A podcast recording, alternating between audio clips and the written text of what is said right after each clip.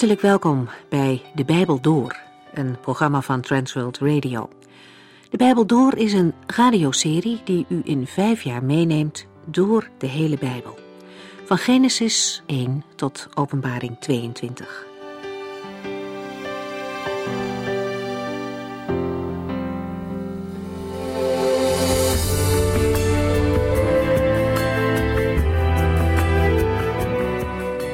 Vandaag het laatste gedeelte van het Bijbelboek Handelingen. De apostel Paulus is als gevangene aan boord van een schip onderweg naar Rome. De Heere heeft hem beloofd dat hij ook in Rome zal mogen getuigen van hem. En het scheelde maar weinig of Paulus zou nooit in Rome aangekomen zijn. De Joden waren er bijvoorbeeld op alle mogelijke manieren op uit om hem te doden. En nu, terwijl ze al zo'n lange tijd onderweg zijn, komt het schip in een loodzware noordoosterstorm terecht. Die gebeurtenissen worden uitgebreid beschreven. En het wordt zelfs zo erg dat de opvarenden alle moed verliezen en denken dat ze de storm niet zullen overleven. Op dat moment staat Paulus op, een gevangene, notabene. En hij herinnert hen eraan dat hij al eerder waarschuwde dat ze moesten overwinteren op Kreta. Maar, zegt hij, houd goede moed. Een engel van God heeft Paulus die nacht bemoedigd. Die engel zei dat Paulus, maar ook alle anderen, veilig aan land zouden komen. En als Paulus deze gebeurtenis vertelt, vergeet hij niet om Gods naam te noemen en hem ook de eer te geven. In een paar woorden maakt hij al die mensen, waarvan de meesten niets van God afweten, duidelijk hoe het er tussen hem en God voorstaat. Hij zegt: De God aan wie ik toebehoor en die ik dien. Dat is de relatie tussen Paulus en God, tussen God en Paulus. In het geloof dat God doet wat hij zegt, spoort Paulus andere mensen aan om ook te eten. In het bijzijn van al die mensen, dat waren er 275, dankt hij God voor het eten. En hij herinnert hen opnieuw aan Gods belofte dat ze gespaard zullen worden. Voor hem is het zo vanzelfsprekend om op God te vertrouwen, op zijn woord te vertrouwen, ook al is er nog niets van te zien. Zijn vaste vertrouwen werkt dan ook aanstekelijk. De mensen krijgen ook weer nieuwe moed. En zo gaan we verder met het slot van handelingen.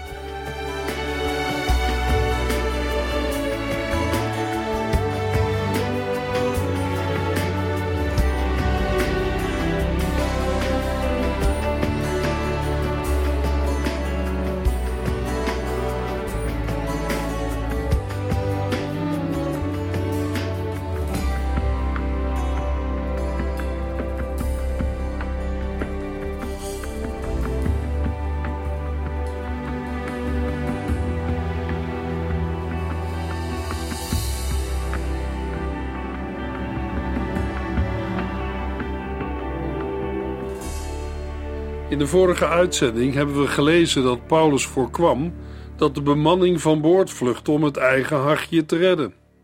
Hij waarschuwde de Romeinse officier en de soldaten en zei: Als de bemanning niet aan boord blijft, zal niemand dit overleven.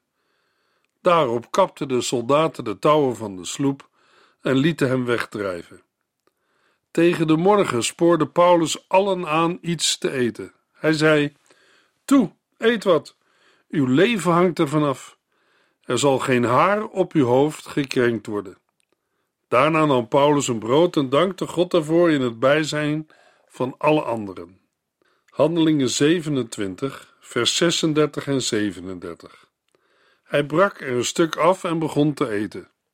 De stemming aan boord werd ineens een stuk beter en iedereen begon te eten. We waren in totaal met 276 mensen. Goed voorbeeld doet goed volgen.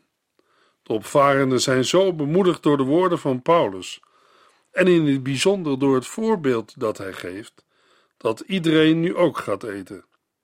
Handelingen 27, vers 38. Nadat we hadden gegeten, maakte de bemanning het schip lichter door de lading graan overboord te zetten. Door het schip zo licht mogelijk te maken, hoopt de kapitein te voorkomen dat het schip vastloopt en ze dichter bij het vasteland kunnen komen. Handelingen 27, vers 39 tot en met 44. Toen het goed en wel licht was, herkenden zij de kust niet. Ze zagen wel een inham met een strand en wilden proberen het schip daar aan de grond te laten lopen. Ze kapten de ankertrossen, lieten de stuurriemen zakken en heesen het voorzeil. Toen het schip vaart begon te maken, stuurden ze aan op de kust, maar bleven op een zandbank steken. De boeg zat zo vast als een huis en het achterschip werd door de oplopende golven stuk geslagen.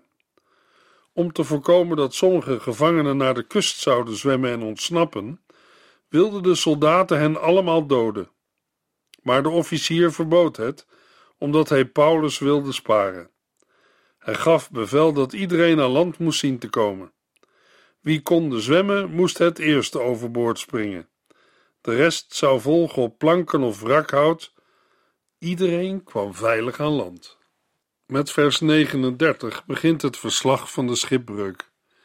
Eindelijk wordt het dag en de bemanning ziet land. Maar niemand herkent waar ze zijn terechtgekomen. Ze zien wel een inham of baai met een strook zand.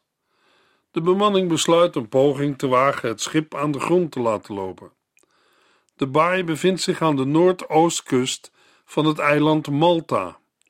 De Statenvertaling spreekt in Handelingen 28, net als de Romeinen, over melite, honing.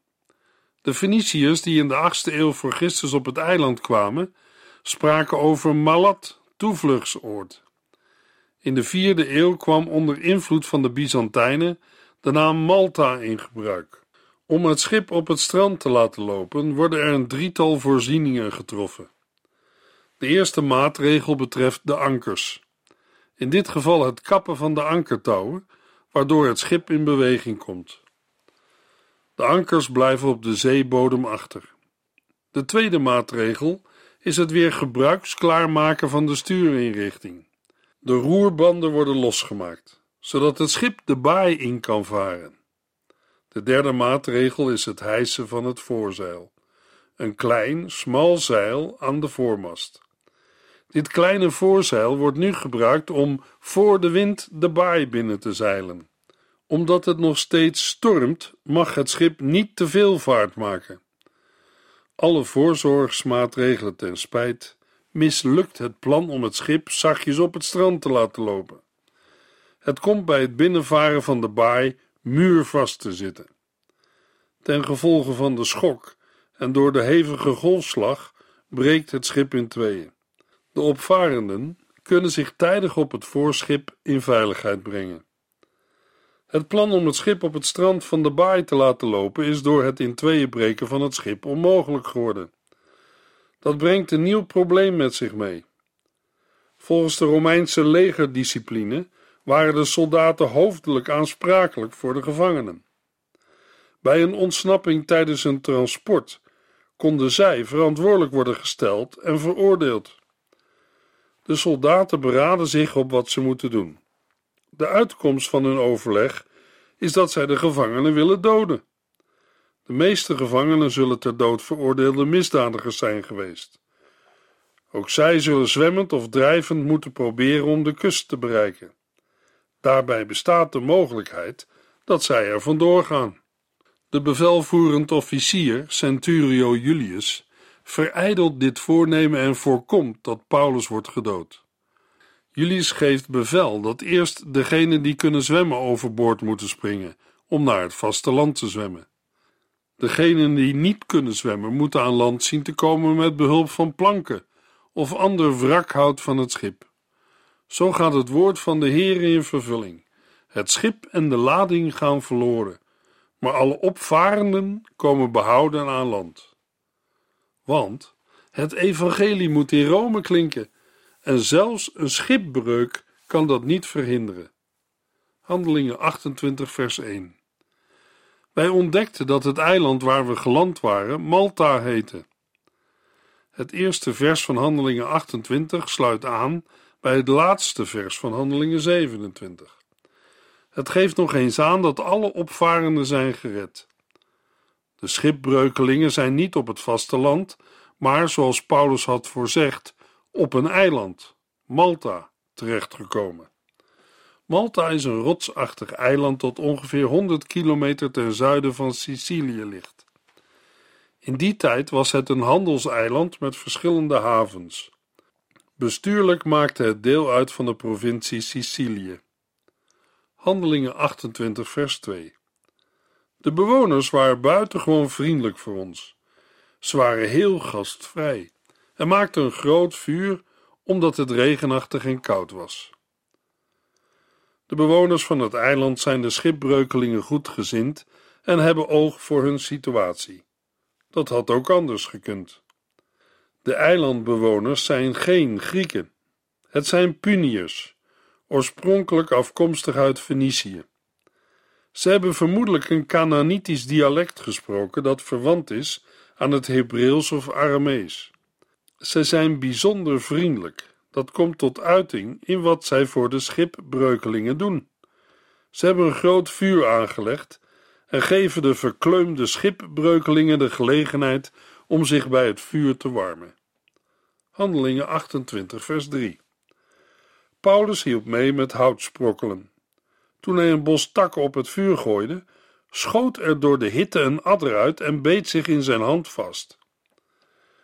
Toen Paulus hielp bij het oprapen van een paar takken, zat er een adder tussen de takken. Maar Paulus heeft het dier niet gezien. Toen hij de takken op het vuur gooide, schoot de adder weg en beet zich vast in zijn hand. Handelingen 28, vers 4. De eilandbewoners zagen het beest aan Paulus' hand hangen en zeiden tegen elkaar: Die man is vast een moordenaar. Hoewel hij aan de zee is ontkomen, wil de godin van de gerechtigheid niet dat hij in leven blijft. De bewoners van het eiland zijn niet alleen vriendelijk, maar ook bijgelovig. Als zij het beest aan Paulus' hand zien hangen, hebben zij hun conclusie snel getrokken. Ze zijn van mening dat Paulus beslist een moordenaar moet zijn. Hoewel hij aan de zee ontkomen is, mag hij blijkbaar niet blijven leven. Het niet in leven blijven is gekoppeld aan straf, wraak en vergelding, en wordt een persoon in de figuur van de godin van de gerechtigheid, de wraakgodin. Deze wraakgodin is in de Griekse mythologie de dochter van oppergod Zeus en zijn vrouw Themis. Zij is de wraakgodin, de godin van de gerechtigheid, vrouwen Justitia, die misdadigers vervolgt en straft en het recht doet zegevieren. Volgens de eilandbewoners is Paulus schuldig aan een grote misdaad en wordt hij nu door vrouwen Justitia gestraft. Hij is ontkomen aan de zee, maar nu zal hij zeker aan het dodelijke gif van de adder sterven. Zij verwachten dat Paulus elk moment dood kan neervallen. In het hele Romeinse Rijk was er een groot gevoel voor gerechtigheid. Rome was bekend om zijn recht, niet om zijn genade. Zonden werden niet vergeven. Als iemand de wet brak, betaalde hij of zij met straf. Onder de ijzeren vuist van Rome schreeuwde de wereld om genade. Handelingen 28, vers 5 en 6. Paulus schudde echter het beest van zijn hand af, zodat het in het vuur viel. Hij had verder nergens last van. De eilandbewoners verwachten dat hij zou opzwellen of plotseling dood zou neervallen. Maar toen er na lange tijd niets met hem gebeurd was, sloegen zij om als een blad aan een boom en zeiden dat hij een god was. De apostel houdt geen kwade gevolgen over van de beet. Opnieuw wordt duidelijk dat de Heere met Paulus is. Paulus is op weg naar Rome en dat is Gods weg. Een nieuwe aanslag op zijn leven door de oude slang, de duivel, is mislukt. Hier gaan de woorden uit Marcus 16 letterlijk in vervulling. De eilandbewoners slaan om als een blad aan de boom. Hij is blijkbaar sterker dan de dood. Dan moet hij wel een god zijn. Handelingen 28, vers 7 en 8. Daar vlakbij lag het landgoed van Publius, de gouverneur van het eiland. Hij was heel gastvrij voor ons en gaf ons drie dagen onderdak. Publius' vader lag met koorts en dysenterie in bed. Paulus ging naar hem toe, bad voor hem legde zijn handen op hem en genas hem. In de omgeving van de plek waar de schipbreukelingen het eiland hebben bereikt, ligt een landgoed dat behoort aan de hoogste gezagsdrager van het eiland, gouverneur Publius. Hij is de officiële bestuurder die het Romeinse gezag vertegenwoordigde. Malta behoorde tot de provincie Sicilië. De vader van de bestuurder ligt ernstig ziek op bed. De man heeft koorts, die veroorzaakt wordt door een ingewandsziekte, dysenterie, een voor oudere mensen gevaarlijke ziekte. De apostel neemt het initiatief en gaat naar deze man toe en geneest hem door voor hem te bidden onder oplegging van handen. Handelingen 28, vers 9 en 10. Toen dit nieuws bekend werd, kwamen overal van het eiland zieken naar ons toe, die werden genezen. Ze brachten ons vele geschenken en gaven bij ons vertrek allerlei dingen mee die we nodig hadden. Het verhaal van de genezing van Publius' vader gaat als een lopend vuurtje over het eiland. Andere zieke eilandbewoners komen naar Paulus en zijn gelovige vrienden toe om te worden genezen. Lucas vermeldt niet of de apostel op Malta het evangelie heeft verkondigd. Maar als de wonderen die de prediking van het evangelie bevestigen wel plaatsvinden, dan kan ik mij niet voorstellen dat Paulus geen woord over het evangelie zou hebben gezegd. De reden waarom Lucas er niets over zegt zal zijn dat zijn verslag gericht is op de reis naar Rome en hij daarom geen speciale aandacht aan de evangelieverkondiging op Malta wil geven. Paulus deed op Malta precies hetzelfde wat hij overal deed. Overal waar hij kwam, verkondigde hij Christus en wil hij mensen winnen voor hem. Handelingen 28, vers 11. Drie maanden na de schipbreuk gingen wij aan boord van een ander schip, de Tweelingen uit Alexandrië. Het had in de haven van het eiland overwinterd. Drie maanden na de schipbreuk wordt vroeg in het voorjaar, februari, maart, de reis naar Italië voortgezet. Een korenschip dat in een van de havens van Malta heeft overwinterd. En net als het vergane schip afkomstig is uit de Egyptische havenstad Alexandrië, neemt hen aan boord. Het schip heeft een boegbeeld van de Dioscuren, de mythologische tweelingbroers Castor en Pollux. Dat waren de twee zonen van Zeus, die in die tijd door de zeelieden als beschermgoden werden beschouwd. Lucas vermeldt geen details, omdat hij geen waarde hecht aan de bescherming van Castor en Pollux, goden van de Romeinen. Handelingen 28, vers 12 tot en met 15. De eerste plaats die wij aandeden was Syracuse, waar wij drie dagen bleven. Daarna zeilden we om het eiland Sicilië heen en kwamen in Regium. Na daar een dag in de haven te hebben gelegen, gingen we weer verder. Er was een zuidenwind opgestoken, zodat wij binnen twee dagen in Puteoli waren. Daar vonden wij een groep christenen. Zij vroegen ons dringend een week bij hen te blijven. Maar na die week reisden wij weer verder naar Rome. De Romeinse christenen hadden gehoord dat wij in aantocht waren en kwamen ons tegemoet. Wij ontmoetten enkele van hen al bij Forum Appii en weer anderen een paar kilometer verder, bij Tres Tabernae. Toen Paulus hen allen zag, dankte hij God en vatte nieuwe moed. In Puteoli komt de zeereis, die met inbegrip van de overwintering op Malta minstens zes maanden heeft geduurd, ten einde. Paulus, Lucas en Aristarchus gaan aan land. In Puteoli vonden wij een groep christenen. De uitdrukking maakt duidelijk dat ze in deze stad naar gelovigen hebben gezocht. Hoe dat, gezien de gevangenschap van Paulus, allemaal kon, wordt door Lucas niet verteld. Haast om Rome te bereiken is er blijkbaar niet geweest. Julius, de Romeinse officier, is ook nu Paulus goedsgezind. Het laatste gedeelte van de reis wordt te voet afgelegd. Over de Via Campana en de Via Appia gaat Paulus naar Rome. Het uiteindelijke doel is bijna bereikt. Er zijn nog 200 kilometer te gaan, een voettocht van een dag of vijf. Vanuit Rome gaan gelovigen in zuidelijke richting naar Puteoli, om de apostel te verwelkomen en samen met hem naar Rome terug te reizen. De pleisterplaats Forum Appii lag ongeveer 65 kilometer van Rome. Tres Tabernae, drie herbergen, lag op ongeveer 50 kilometer van Rome. De ontmoeting met zoveel gelovigen is hartverwarmend en een geweldige bemoediging voor de apostel. Als Paulus hen ziet, begint hij God te danken voor zijn bescherming en genade. Hij vat een nieuwe moed.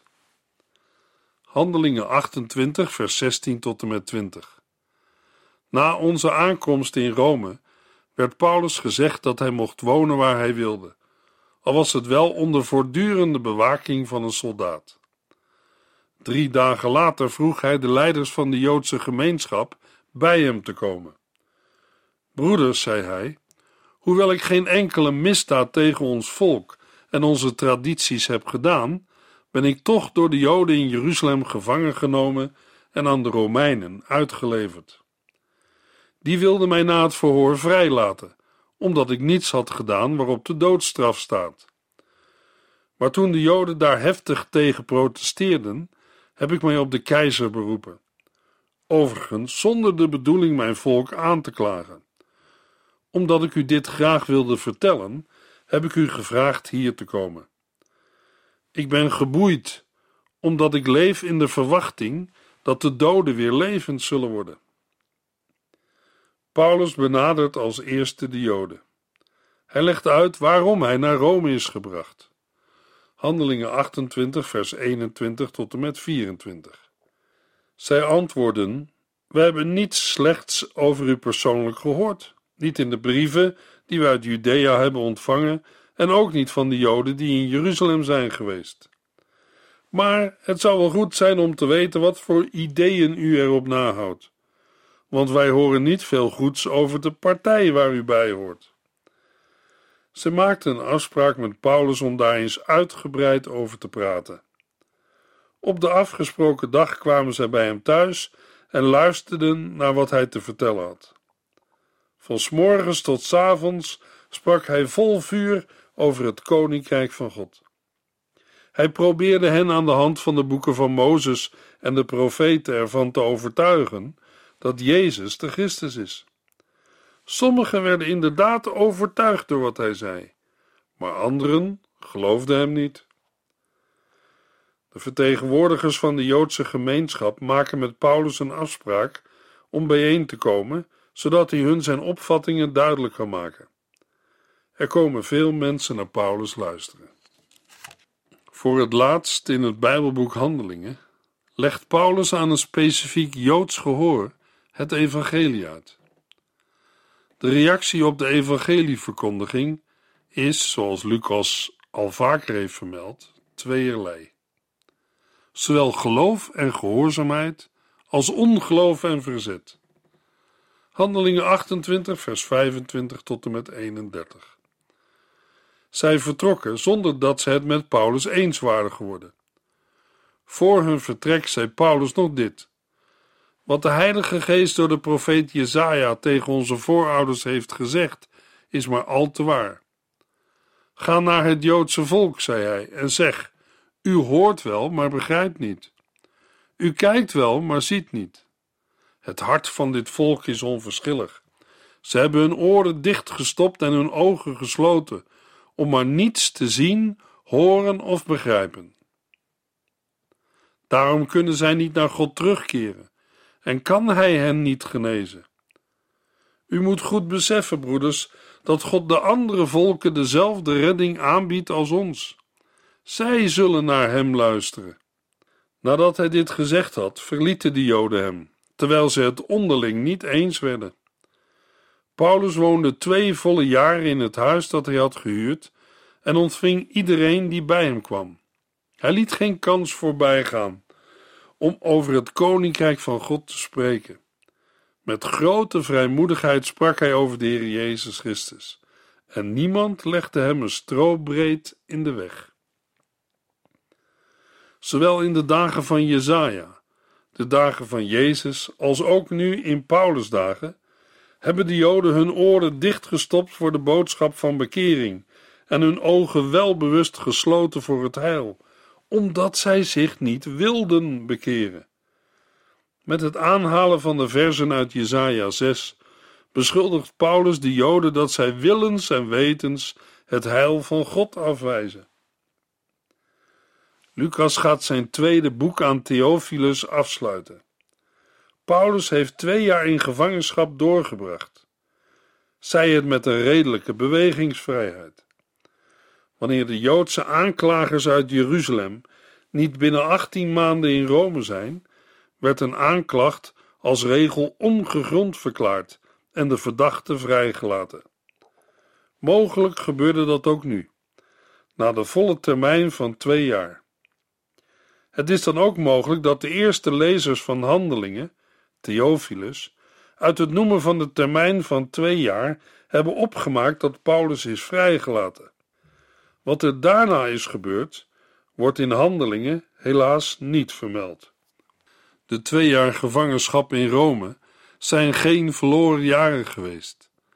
Naast het schrijven van brieven, ik denk aan de brief aan de Efeziërs, de Colossense, de tweede brief aan Timotheus en de brief aan Philemon, heeft Paulus veel mensen ontvangen die hij onderwijs heeft gegeven over de Heer Jezus Christus.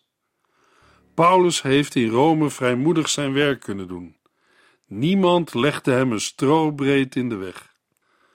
Het evangelie heeft ook in het centrum van het Romeinse Rijk zonder enige belemmering geklonken. Hiermee zijn we aan het einde gekomen van het lezen en bespreken van het Bijbelboek Handelingen. Over het leven van de apostel Paulus hebben wij voor belangstellende luisteraars een DVD beschikbaar. U kunt de DVD gratis bij ons aanvragen, waarna wij de DVD tegen verzendkosten naar u toesturen. Dit aanbod geldt zolang de voorraad strekt. In de volgende uitzending gaan we weer terug naar het Oude Testament en beginnen we met het lezen van het Bijbelboek 1 Samuel.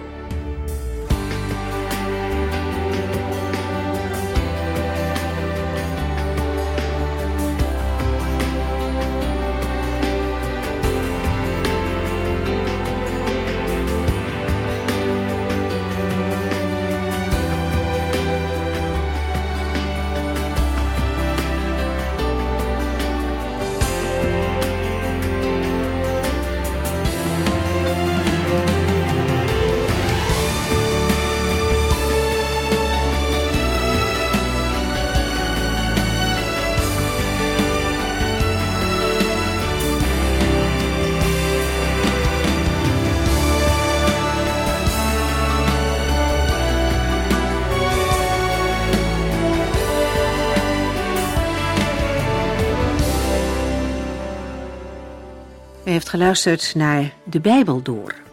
In het Nederlands vertaald en bewerkt door Transworld Radio.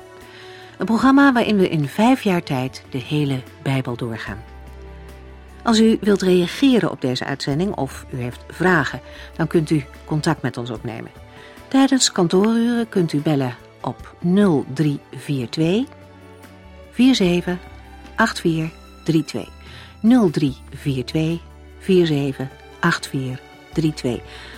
Ook kunt u een e-mail sturen naar de Bijbel door transworldradio.nl en natuurlijk kunt u ook via de post ons bereiken.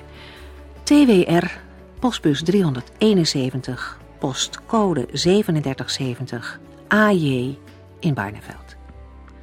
Dit programma werd gepresenteerd door Cor Weda en Ike André. Techniek was in handen van Odin van Woerdekom. En wij allemaal bedanken u voor het luisteren. Graag tot de volgende keer.